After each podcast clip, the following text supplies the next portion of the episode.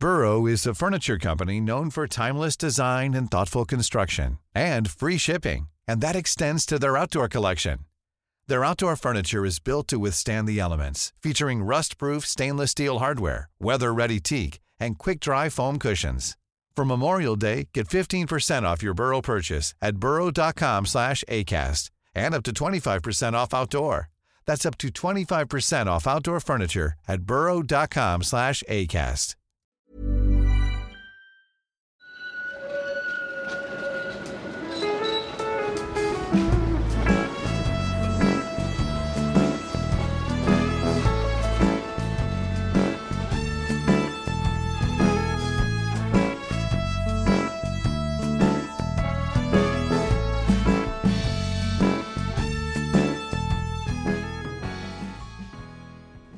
Hej och välkomna till Gotterottare i Göteborg, en podcast om platser i Göteborg. Jag heter i alla fall eh, Daniel Karlenfors och som vanligt eh, så har jag med mig eh, Mattias Axelsson.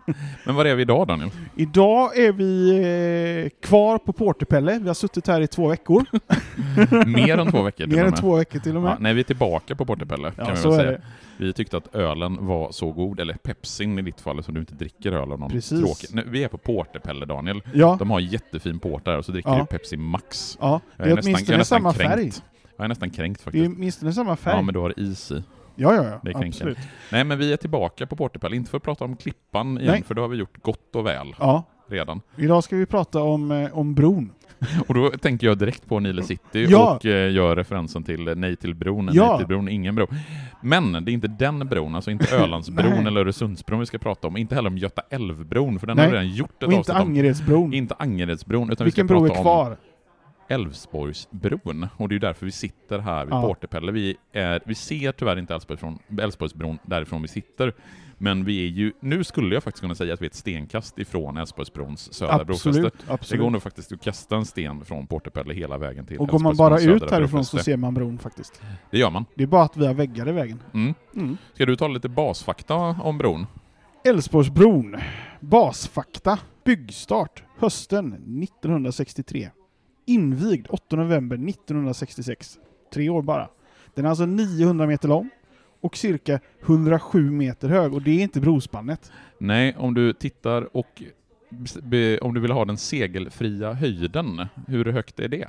Alltså hur höga fartyg kan åka under Älvsborgsbron? Jag har hört att det är 40 meter. 45 meter. 45 meter. Det står faktiskt en liten skylt precis under, den kan man se också härifrån. 45 meter. Så fartyg som är över 45 meter ska banne mig inte försöka gå under Älvsborgsbron. Men jag misstänker att den skylten krock. är ganska stor. Ja, man vill nog ha en, och så dessutom har man nog en viss felmarginal. Det kan vara bra med felmarginaler ibland. Svar ja. Och man väljer alltså att bygga en bro här och då kan man ställa sig frågan varför bygger man en bro? Jo, man vill ju sätta ihop ett, eh, en typ av landmassa med en annan typ av landmassa och i det här fallet så vill man bygga ihop då det riktiga Göteborg med hissingen. Och den relationen har ju alltid varit lite komplicerad. Ska du gå igenom det lite fort? Ja, Hisingen har vi ju pratat om tidigare, men Hisingen det är ju Sveriges fjärde eller femte största ö, lite beroende på hur man räknar. Gotland och Öland är ju de två största. Mm. Sen har ju SCB av någon anledning smugit in Södertörn som en ö, som jag tror då blir Sveriges tredje, eller möjligtvis fjärde största ö. Orust ligger ju där som trea, fyra också, Mhm. och då petat ner Hisingen en plats. Vad hände där? Ja, Södertörn är ju i min mening inte en ö. Eh, Det är ju lite som att säga att Götaland är en ö för att Göta älv delar av norra Sverige från södra Sverige. Mm. Men utan det är ju en kanal som är grävd. Men oavsett hur man räknar på det så är ju Hisingen en av Sveriges största öar. Mm. Och Hisingen har ju haft betydelse i svensk historia, framförallt för att Lundby och Tuve socknar låg på Hisingen. Och de två socknarna har ju tillhört Sverige sedan åtminstone mitten av 1200-talet och Birger Jarl. Sen i och med freden i Roskilde 1658 så Mm. blir hela Hisingen, eftersom hela Bohuslän blir svenskt, så blir också hela Hisingen svenskt. Och då spelar ju lite grann Lundby och Tuve socknar ut sina roller Ja. som sådana platser som gör det möjligt Så då för fick vi svenska sådana fartyg. jobbiga ställen som Torslanda och sånt. De blir en del av eh, Göteborg, och, eller de blir en del av Sverige i och med freden i Roskilde 1648, eh, 1658. Korrekt, för en del av Göteborg blir de inte förrän ganska mycket senare. Nej, för Hisingen är ju initialt inte en del av Göteborg när Göteborg grundas 1621, utan Hisingen, det är ju lite grann Göteborgs kornbod. För det är ute på Hisingen som Göteborgs bönder odlar olika saker som man sedan tar båten över till fastlandet för att sälja på de olika marknaderna. Och sen är det från slutet av 18 eller egentligen in på 1900-talet som de olika delarna av Hisingen successivt med början i Tingstadsvassen och sen med Lundby Mm. och Torslanda i mitten på 1900-talet och sen tror jag de norra delarna av Hisingen blir en del av Göteborg först på 1970-talet. Mm. Så successivt så införlivas fler och fler delar av Hisingen i Göteborg. Men det här är ju under 1900-talet när sen då Älvsborgsbron blir Och vi, har, byggd. vi har inte riktigt kommit dit än, för vi måste ju gå igenom allt det här kronologiskt. Jag har hört att första gången Göteborg nämns som stad så är det en holländsk koloni som ligger på Hisingen. Är det, är det korrekt? Ja, det är väl i någon mening korrekt. Eh, Göteborg som stad nämns vid namn första gången i början på 1600-talet. Och det här att det är en holländsk koloni, det har jag sagt vid flera tillfällen. Och det är ju i någon mening sant, för det är i princip holländare som bor där. Sen är det en sanning med viss modifikation, för det är inte bara holländare som bor i Sätt staden. oss straight nu.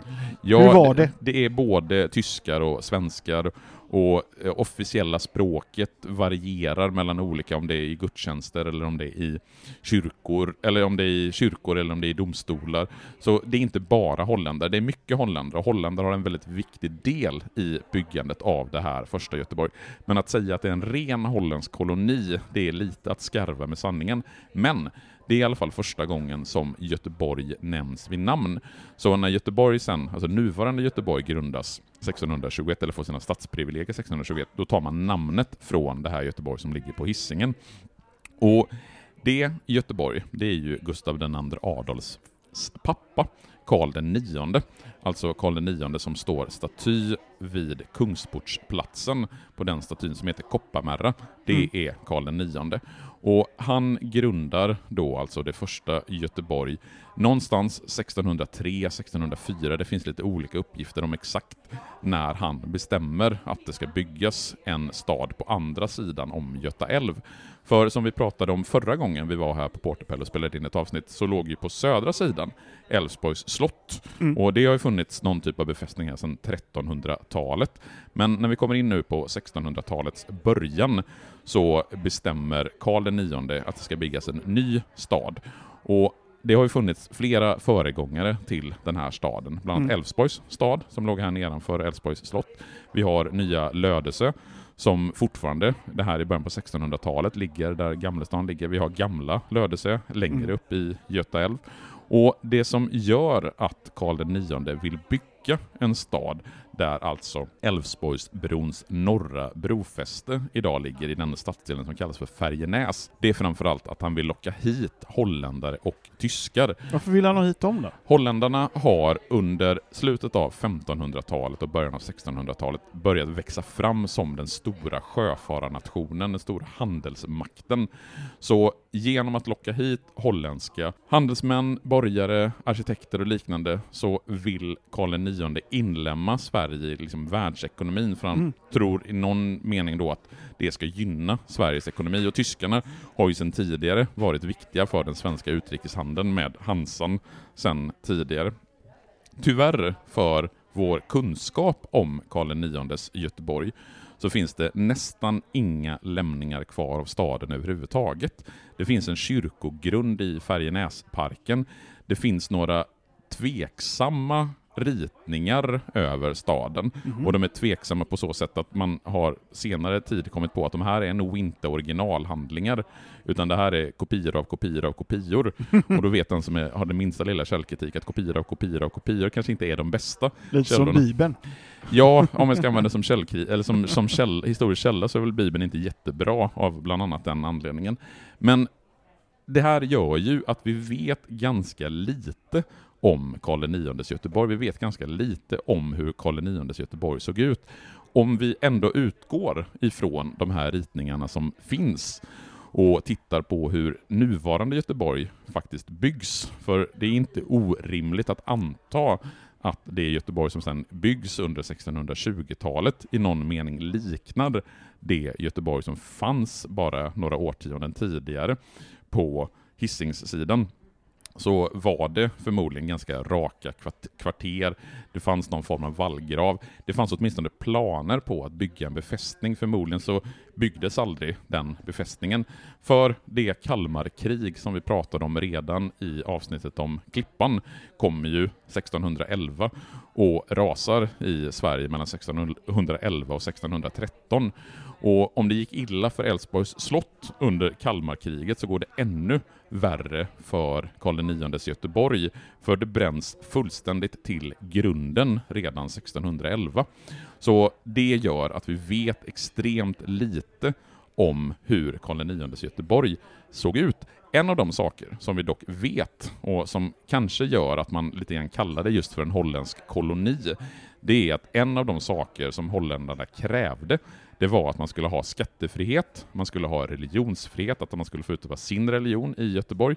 Och det som är lite intressant för dagens avsnitt, det var att man faktiskt redan här i början på 1600-talet ville att det skulle byggas en bro mellan Färjenäs och Älvsborgs slott. Så det här eh, Älvsborgsbron som idé är inte den är inte helt ny. Den, den fanns redan i början på 1600-talet. Sen skulle det ju förmodligen, eller sen skulle det ju givetvis ha blivit en helt annan typ av bro än den vi ser idag.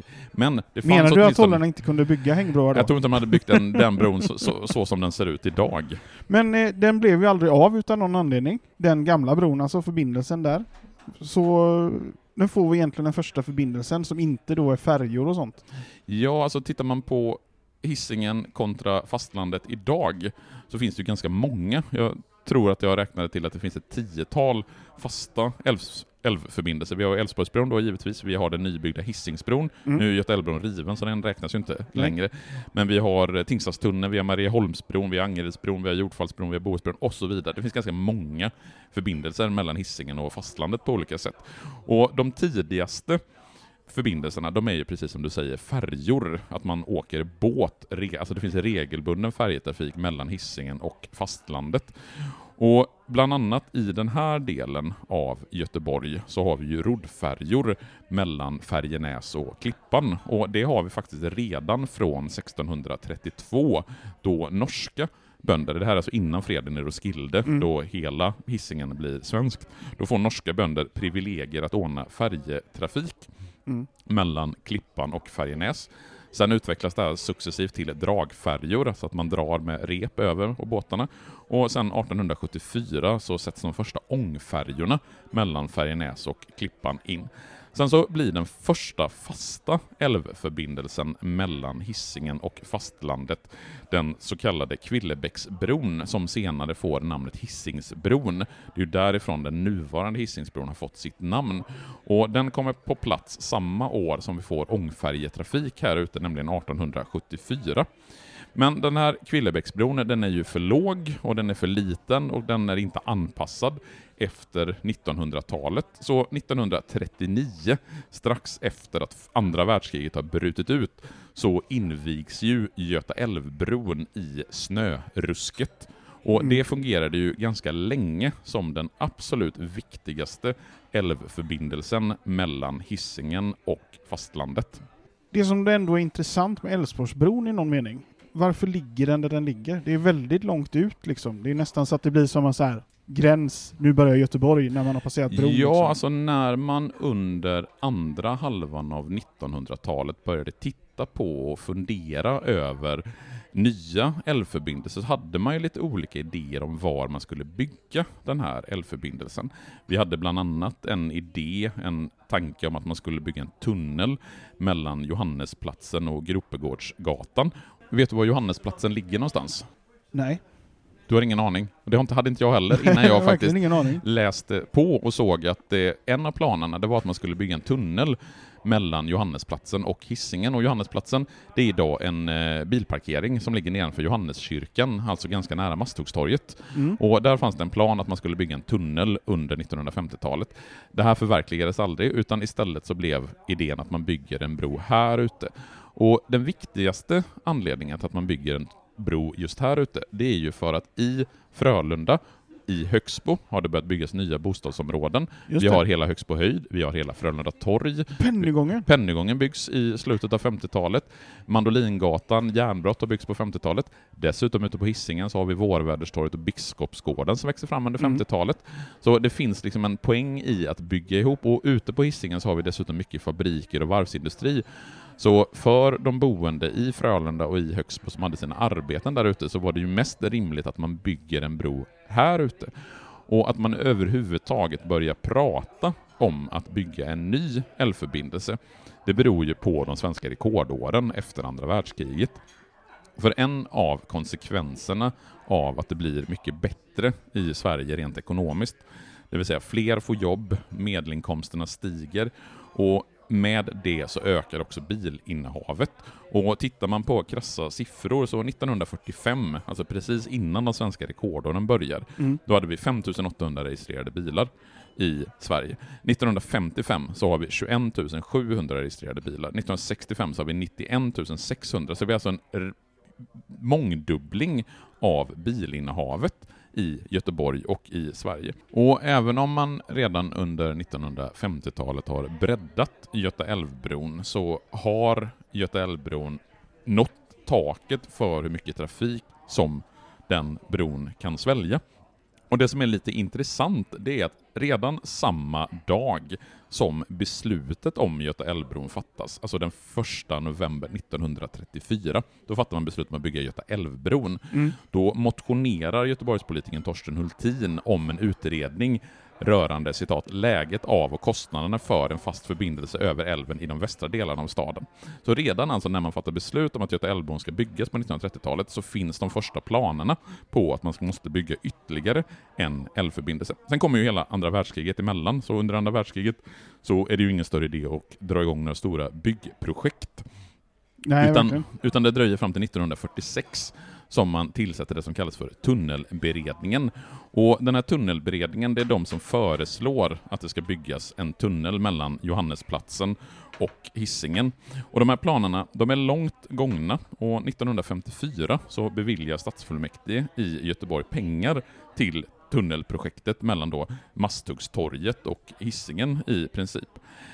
Däremot så stöter det här på patrull. För 1956 så kommer ett nytt förslag. Och då kommer förslaget om att istället ska bygga en hög bro mellan Färjenäs och Sannahöjden, alltså precis där Älvsborgsbron ligger idag. Så när vi kommer in i slutet av 1950-talet så föreslår Hamnstyrelsen till stadsfullmäktige att man ska upphäva det gamla beslutet om en tunnel och istället besluta om att man ska bygga en bro. Och Förslaget, som är framtaget av en tysk firma, det innebär 45 meters fri segelhöjd, 25 meters brobredd, fyra filer, två cykelbanor och två gångbanor. Och det finns en stark opinion i Göteborg från både näringsliv och politiker om att man ska bygga en bro. Och när vi kommer in på 1960-talet så är det äntligen klart. För i början på 1960-talet så fattar man beslut om att det ska byggas en bro. Och nu har vi fått in mat på bordet, så nu tar Mm. vi en liten reklampaus och kommer strax tillbaka. Millions of people have lost weight with personalized plans from Noom, like Evan, who can't stand salads and still lost 50 pounds. Salads, generally, for most people, are the easy button, right? For me, that wasn't an option. I never really was a salad guy. That's just not who I am. But Noom worked for me. Get your personalized plan today at Noom.com. Real Noom user compensated to provide their story. In four weeks, the typical Noom user can expect to lose one to two pounds per week. Individual results may vary. Hiring for your small business? If you're not looking for professionals on LinkedIn, you're looking in the wrong place. That's like looking for your car keys in a fish tank. LinkedIn helps you hire professionals you can't find anywhere else, even those who aren't actively searching for a new job but might be open to the perfect role. In a given month, over 70% of LinkedIn users don't even visit other leading job sites. So start looking in the right place. With LinkedIn, you can hire professionals like a professional. Post your free job on linkedin.com slash people today. Så nu har vi kommit fram till den punkten att det är bestämt att det ska bli en bro. Men eh, är det bestämt vad den ska heta? Det skulle man kunna tro eftersom den ju heter Älvsborgsbron och det passar sig ju bra för att här ligger ju Älvsborgs slott och det är stadsdelen Älvsborg och liknande. Men Älvsborgsbron är ju ett av många förslag som cirkulerar som namn här i skiftet 50-60-tal. Det som verkar vara det populäraste namnet när man tittar tillbaka i gamla tidningstexter och så, det är ju Västerbron. Och Harry Jörne, som är chefredaktör för Göteborgs-Posten och tillika lokalpolitiker för Folkpartiet, han är ju en av de stora förespråkarna för att det ska byggas en bro. Och han tycker ju att Älvsborgsbron är ett dåligt namn eftersom det ska vara svårt att uttala. Det är ju tre vokaler och tio konsonanter Mm. i Älvsborgsbron. Och jag märker själv när jag uttalar det att jag var tvungen att artikulera ordentligt när jag säger Älvsborgsbron. Mm. Så när man 1961 ska bestämma vad bron ska heta så är det faktiskt ända fram till några timmar före omröstningen oklart. För även Torsten Henriksson, en lokal socialdemokratisk politiker, vacklar i om han tycker att det ska bli Älvsborgsbron eller Västerbron. Och enligt legenden, eller vad han själv har berättat, så träffar han på väg till Stadshuset och på väg till att det ska fattas ett beslut så springer han på en tioårig pojke vid Gustav Adolfs torg och frågar honom att, eller ber honom att uttala Älvsborgsbron. Och den här lille pojken säger Älvsborgsbron och inser, och då inser Torsten Henriksson att det göteborgarna kommer göra, det är att de hoppar över de här besvärliga konsonanterna i uttalet av Älvsborgsbron. Så det blir Älvsborgsbron som man beslutar att den här bron ska heta 1961. Så nu börjar Älvsborgsbron att byggas. Om alla stora byggprojekt, blir det inte en massa bråk? Är det inte saker som ska rivas? Och vad händer liksom? Jo, alltså för själva bron som sådan är det ju inte jättemycket som behöver rivas eftersom den går över vatten.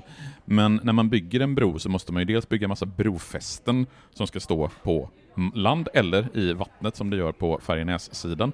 Men det som framför allt påverkar den omkringliggande miljön, det är ju alla tillfartsleder och alla de moten som måste byggas för att man ska kunna åka upp på Älvsborgsbron.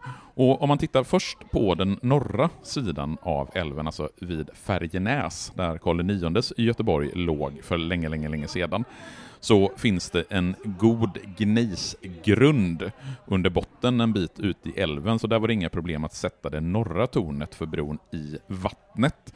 Och Färjenäs påverkas ganska lite, tycker jag, när jag tittar på kartor före och efter själva brobyggandet. Och Det kan ju bero lite på hur man ser det, för det byggs också en del industrier i anslutning till Färjenäs. Så min upplevelse är att det är snarare industriernas framfart som har påverkat området vid Färjenäs. Men det är några enstaka hus som får flytta på sig, som man får riva. Eh, dock, det som blir den stora skillnaden för Färjenäsområdet, det är ju att när Älvsborgsbron byggs så får ju Färjenäs som stadsdel minskad betydelse, för nu åker man ju liksom inte till Färjenäs längre, utan man åker över Färjenäs, åker till, istället för att åka till Färjenäs. Den stora påverkan på bebyggelsen, det är ju när vi kommer över på den södra sidan, alltså i Sanna och runt Klippan. För det första så är man ju tvungen att sätta det södra tornet på land, för eh, grunden i älven på den södra sidan är inte tillräckligt bra, utan man är tvungen att sätta det på land. Och sen uppe på Sjöbergen, där Sjöbergskolonin ligger idag, så fanns det en eh, ganska brokig samling bebyggelse. Bland annat så har det sedan 1873 funnits en boplats för Majornas nattman. Och en nattman, det var den personen som hade ansvar för att ta hand om döda djur i stadsdelen och se till att de försvann utan att det skulle uppstå några problem. Det var också nattmannen som skulle se till att avliva alla herrelösa hundar som sprang runt i stadsdelen. Det här huset det rivs förvisso redan 1945, men mycket av den bebyggelse som ligger runt omkring där på Sjöbergen rivs i anslutning till att man ska ge plats i slutet av 1950-talet för Älvsborgsbron. Det här koloniområdet som finns uppe i Sjöbergen, det är däremot nytt. Det byggs på 1970-talet, så det fanns inte när Älvsborgsbron sen byggdes och skulle invigas. Sen även nedanför Sjöbergen så försvinner en del gator, bland annat Slottsgatan och Nya Varvsvägen, och en hel del gamla hus får rivas när man ska dra fram Älvsborgsbron och de tillfartsleder som ska ansluta till Älvsborgsbron, bland annat en gammal 150-årig välbevarad privatskola och ett antal bostadshus i anslutning till sockerbruket nere på Klippan är, är man tvungen att riva. Och en annan sak som är lite intressant är att när man gräver för att se till att Älvsborgsbron ska kunna byggas så gör man en ganska makaber upptäckt. Man hittar nämligen en massgrav från tidigt 1800-tal där över 200 kroppar, eller 200 skelett, kropparna är väl ganska ordentligt förmultnade. Det får vi hoppas. Och, ja, eh, och dödsorsaken märker man är tyfus och troligtvis är det från den tyfusepidemi som drabbade Göteborg och Sverige under det tidiga 1800-talet. Ett annat område som rivs när man ska bygga Älvsborgsbron, det är den så kallade indianbyn, som var enkla bostadspaviljonger som man byggde efter första världskriget för att lindra bostadsnöden, som man sa, för det var ju en enorm bostadsbrist även då i Göteborg, alltså under det sena 1910-talet, så bygger man de här nödbostäderna som får namnet Indianbyn i folkmun. Tanken var att de skulle vara tillfälliga när de byggdes, precis som Pennygången skulle bara stå i 20 år när det byggdes 1959. Så var tanken att den här indianbyn bara skulle stå en kortare period. Men de rivs alltså inte förrän under 1950-talet, för när man ska ge plats åt Älvsborgsbron. Det märks att det var en liten annan tid med tanke på att man kallar det för indianbyn liksom. Ja, jag ska väl inte säga vad eh, den eh, området i Olskroken kallas. Vi kan ju säga att n-ordet används i, eh, när man ska kalla vad den byn kallades. Mm -hmm.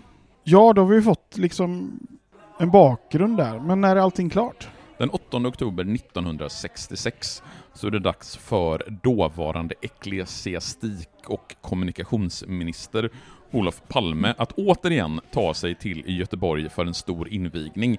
För vad har han invigt samma år, några månader tidigare? Frölunda torg! Bra Daniel, det hade du koll på. Ja. För Olof Palme, han är ju då kommunikationsminister, så han får i ansvar och, att inviga Han var någonting mer, kan du säga det en gång till? Ecklesiastikminister. Jag kan inte säga det, vad är det för något? Det är utbildningsminister. Det är ett gammalt ord för utbildningsminister bara. Och det var en stor folkfest när Älvsborgsbron skulle invigas. Man räknar med att ungefär 20 000 göteborgare hade tagit sig till Älvsborgsbron och bjöds där bland annat på varmkorv. Och enligt uppgifter så ska det här ha varit Sveriges längsta hängbro när den invigdes. Numera har bland annat Höga Kustenbron uppe i norra Sverige gått om som den längsta hängbron i Sverige. På kvällen den 8 oktober så bjöds det på finmiddag på Börshuset inne i centrala Göteborg och den totala kostnaden för hela det här bygget har då uppgått till 130 miljoner. Och när den då invigs under hösten 1966 så är det lite för tidigt för att direkt utvärdera hur viktig bron är. För dels så vill man avvakta dagen H, alltså dagen då vi övergår till högertrafik i Sverige 1967, tror jag just, att det är. Alltså året just efter. det, detta är innan det ja. Så, och dessutom så har man inte anslutit Högsboleden ännu när Älvsborgsbron är inbyggd. Oscarsleden är inte heller byggd, dessutom är den leden som går bort mot Frölunda som heter Västerleden inte invigd, kommer ju först på 70-talet. Så det är ju egentligen först några år därefter som man kan utvärdera hur viktig Älvsborgsbron är. Och det, men det man kan konstatera ganska tidigt i Älvsborgsbrons historia, det är att varven och oljehamnen ute på Hisingen gynnas och de människor som bor i till exempel Frölunda och Högsbo de får ju betydligt kortare pendlingstid. Var för jävla synd att det skulle bli varvskris där. Ja, för det som sen händer, det är ju bland annat att vi får en varvskris i Göteborg. Men Älvsborgsbron får ju, när den invigs 1966, en stor betydelse för att framförallt minska restiden för de som arbetspendlar från de västra stadsdelarna ut på Hisingen. Och så kan vi fortsätta nu kronologiskt. Vad händer liksom sen med bron? Finns den kvar? Ja, uppenbarligen om vi står och tittar ut så kan vi fortfarande se Älvsborgsbron. Och redan ett år efter att eh, den har invigts, alltså 1967, jag tror att det är ett halvår efter själva invigningen, så går den sista båtfärden med färja mellan Färjenäs och Klippan. Och numera så kan man ju åka med Älvsnabben, från, inte från Färjenäs, utan du åker från Eriksberg till Klippan. Men den sista reguljära färjeturen mellan den här flera hundra år gamla färjelinjen mellan Färjenäs och Klippan, den går 1967.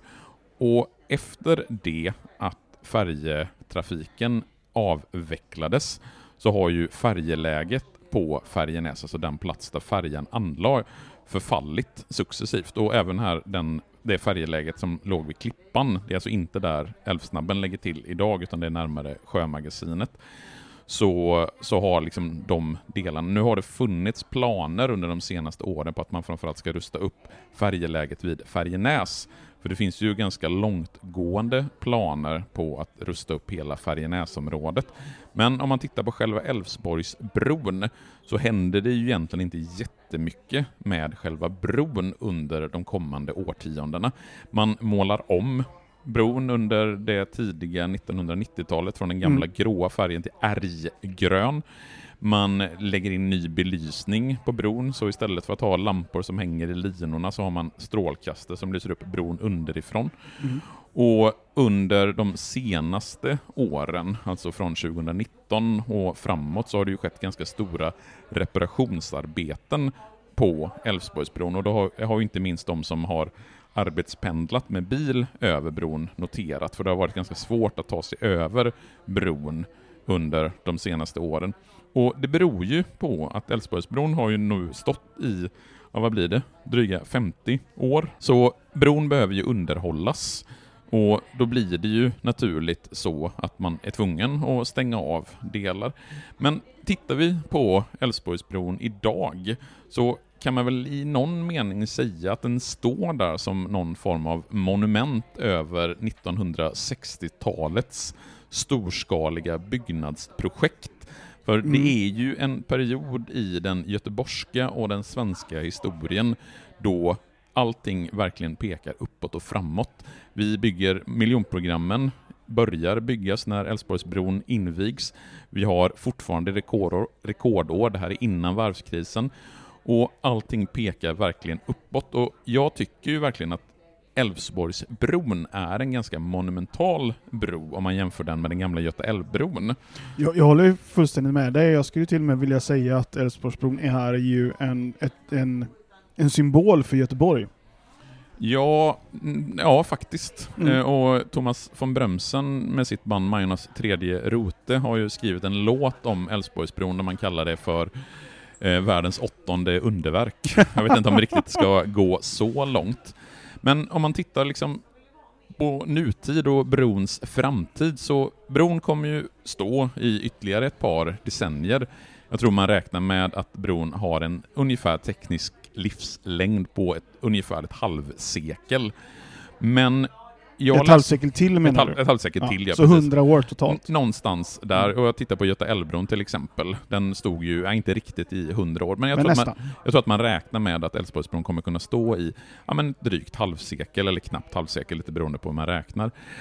Så därför så var det så intressant att jag för bara ett par veckor sedan noterade i en artikel i Göteborgs-Posten att man planerar att bygga ett helt nytt bostadsområde mm. på i just anslutning till Älvsborgsbrons södra brofäste, alltså i den vad ska man säga, vid det motet som när man precis kommer av Älvsborgsbron, när man kommer från Hisingen, så är planen att man ska bygga ett jättelikt bostadsområde i den lilla skogen som är omsluten av den här leden när Älvsborgsbron sen ansluter ner till Oscarsleden. Undrar hur många som kommer bråka om att det är just deras grönområde som tas bort? Just det grönområdet tror jag inte är så... Eh, så du, att inget skulle förvåna mig. Det kommer, det kommer säkert hända. Men det som var intressant i artikeln, det var just det att när man pratar om, det här är fortfarande väldigt mycket på planeringsstadiet, det är ju inte alls klart att det ska byggas något, utan det var en, en plan, en idé man hade, men när man pratade om de här planerna så var ju just en grej med det hela att man var tvungen att ta hänsyn till dels reparationsarbete och liknande på Älvsborgsbron, man måste underhålla bron, bron, men också det att om det ska byggas en ny bro, vilket det ju förmodligen kommer be behöva göras inom liksom, ja men till och med vår, din och min livstid. Men, men då måste man liksom ta hänsyn till att när man bygger en helt ny stadsdel, då måste man tänka, men var ska nästa bro? Om vi nu bygger en ny bro, mm. när Älvsborgsbron har eh, när Älvsborgsbrons livstid har löpt ut, var ska vi bygga den bron? Då måste man ta hänsyn det, till det när man bygger ett nytt bostadsområde. Mm. Så på så sätt så är ju liksom även den framtida stadsplaneringen intressant att ta hänsyn, eller man måste ta hänsyn till det här byggnadsverket, det monumentala åttonde underverket som Olof Palme invigde 1966. Ja, och där har vi väl sytt ihop påsen. Eller är det någonting mer du vill? Nej, Ta jag tycker att vi har tagit Älvsborgsbron från det tidiga Karl IXs Göteborg och holländarnas önskan om att bygga en bro fram till det att det faktiskt står en bro och ytterligare Mm. en liten tid framåt. Mm. Och med det så säger vi tack så mycket för oss. Ja, och, så... påminnelse bara att bli gärna månadsgivare på Patreon.com så slipper du reklamen. Just det. Bli gärna det. Då blir vi jätteglada. Ha det gött! Hej! Hej!